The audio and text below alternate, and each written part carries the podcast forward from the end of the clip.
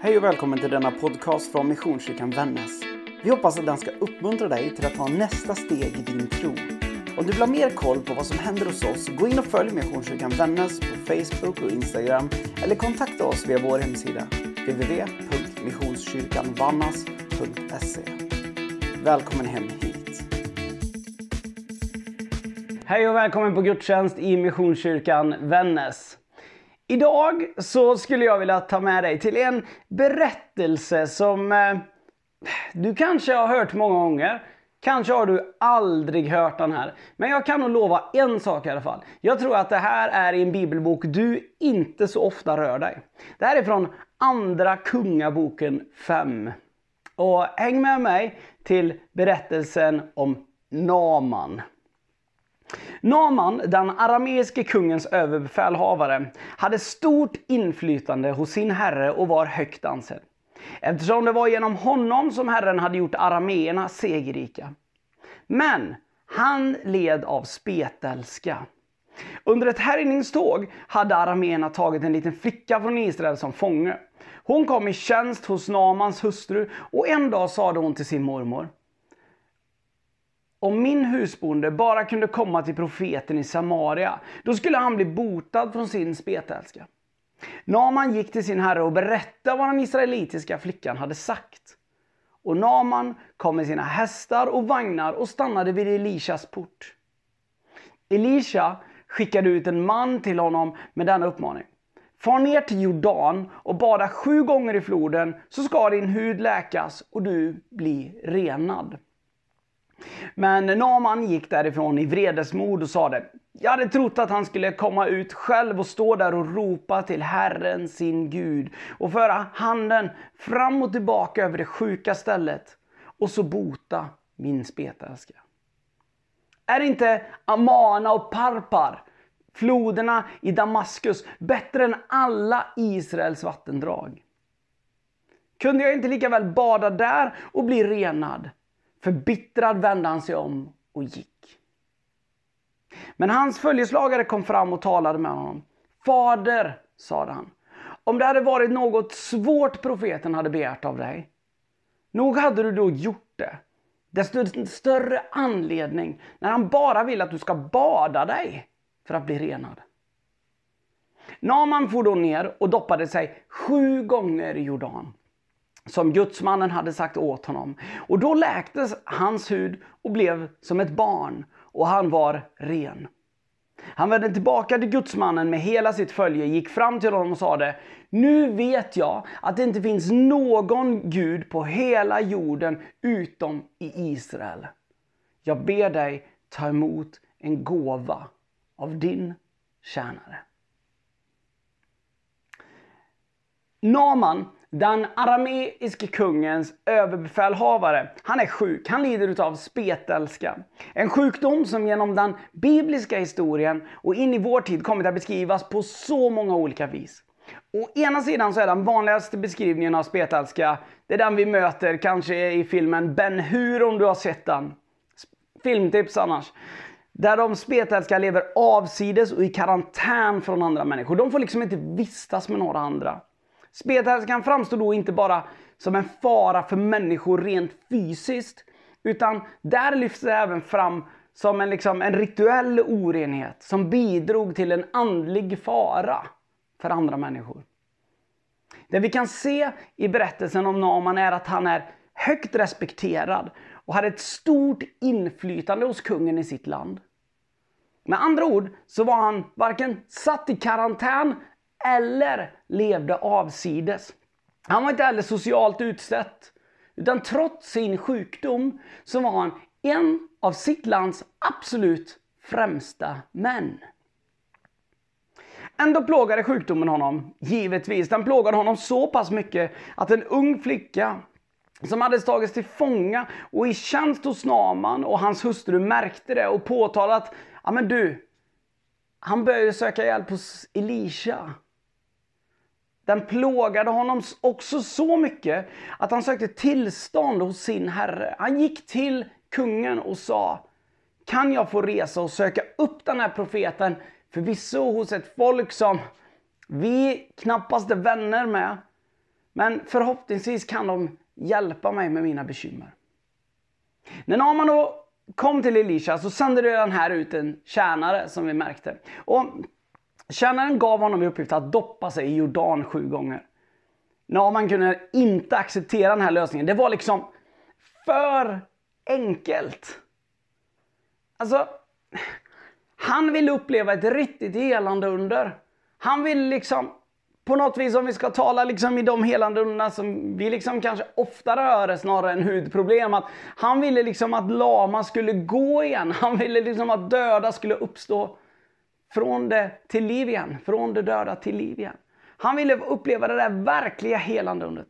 Han frågade sig om det verkligen skulle vara lönt att resa hela vägen till Israel bara för att få bada. Men han tjänare, han var klok. Han hade en klok tjänare som faktiskt uppmanade honom till omvändelse. Hörru du, vänd om! Han påminner honom om att hade det varit något svårt Elisha hade sagt till dig, typ att du kan inte bli frisk om du inte går i det här hemska, svåra arbetet under sju års tid och plågas på det här sättet och det här sättet, då kan du bli frisk. Nej, alltså han bara sa det att du hade ju accepterat om du hade fått en sån här dom över dig. Men nu när det är något enkelt, tänker du att det här duger inte. Till slut så accepterade ändå Naman och gick och doppade sig i Jordan. Jag undrar idag, vilka bekymmer bär du på som du desperat söker finna svar på? Vilka plågor har du kanske i ditt liv som är så svåra att du utifrån ditt tänkande inte kan finna någon lösning på? Du kanske inte ser någon utväg. Vad är dina utmaningar? Naman, han valde att fara till Elisha med en enda längtan. Det var att bli av med sin sjukdom. Han ville befrias från sin börda, sin plåga. Han såg ingen utväg. Har du någon gång lidit utav någon riktigt besvärlig och svår klåda? Jag kanske undrar nu, nu varför ställer den där pastorn i den där församlingen frågan om jag har lidit av klåda någon gång. Men allvarligt talat, har du någon gång lidit utav någon riktigt svår klåda? Det kan vara allt ifrån ett myggbett, det där lilla irriterande, till ett fullt utblommad och mycket besvärlig soldatbrand. Du kanske frågar dig, vad är soldatbrand? Då har du inte upplevt en soldatbrand. Googla gärna soldatbrand sen om du vill det.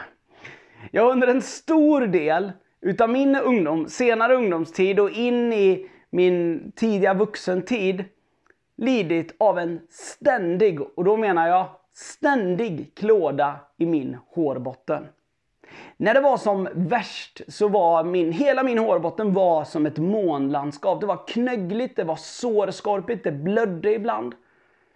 Jag har prövat allt, tro mig. Jag har prövat alla lösningar jag kan komma på. Allt från att snagga av allt mitt hår till schampon som liksom läkare skrev ut till mig som mer kan liknas vid syralösningar som brändes som eld i hårbottnen.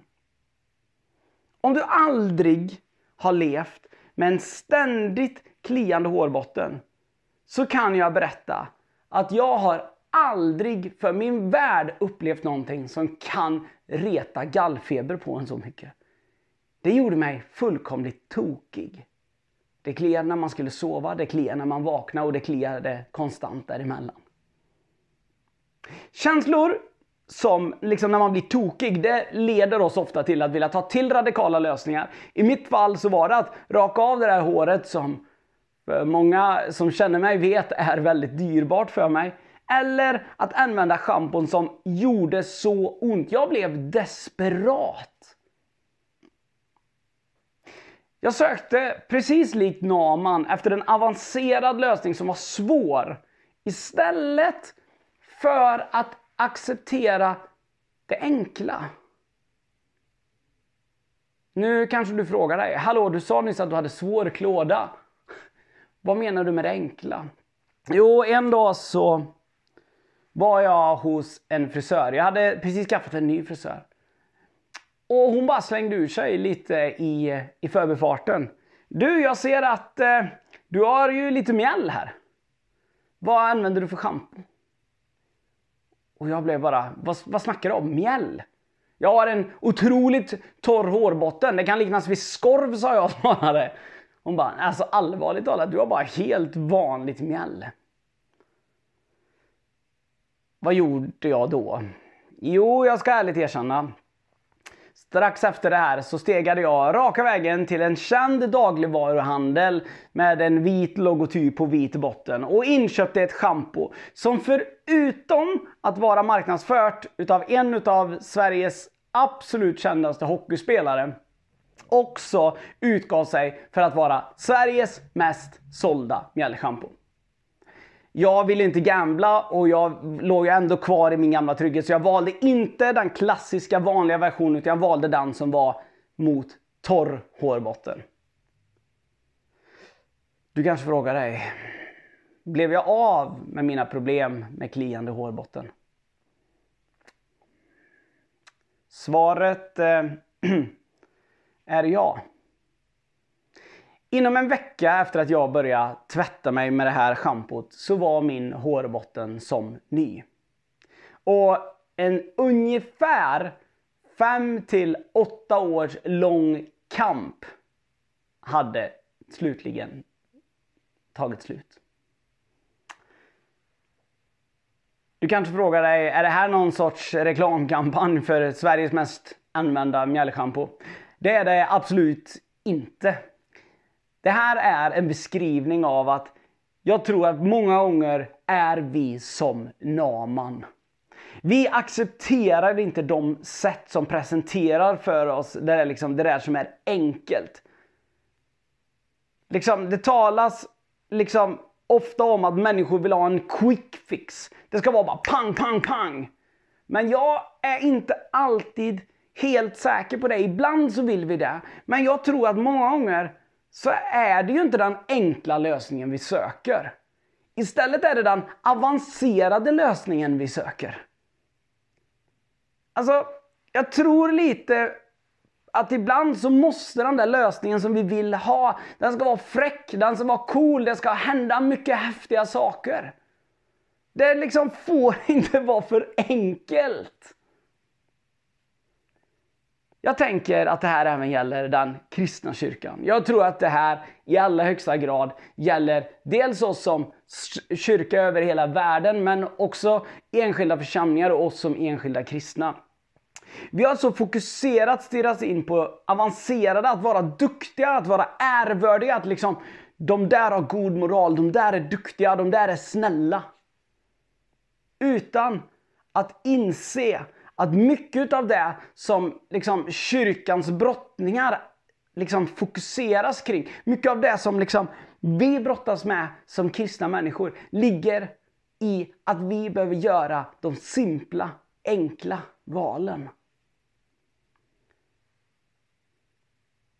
Naman, han blev i slutändan övertygad om att pröva den enkla vägen. Han kunde proklamera ut att det inte fanns någon annan gud än Israels gud. Det var det som blev konsekvensen för Naman. Ingen annan än Israels gud. Den guden som vi än idag tillber. Den guden som sände sin son Jesus Kristus till vår räddning. En räddning där du och jag inte kan göra någonting mer än att ta emot.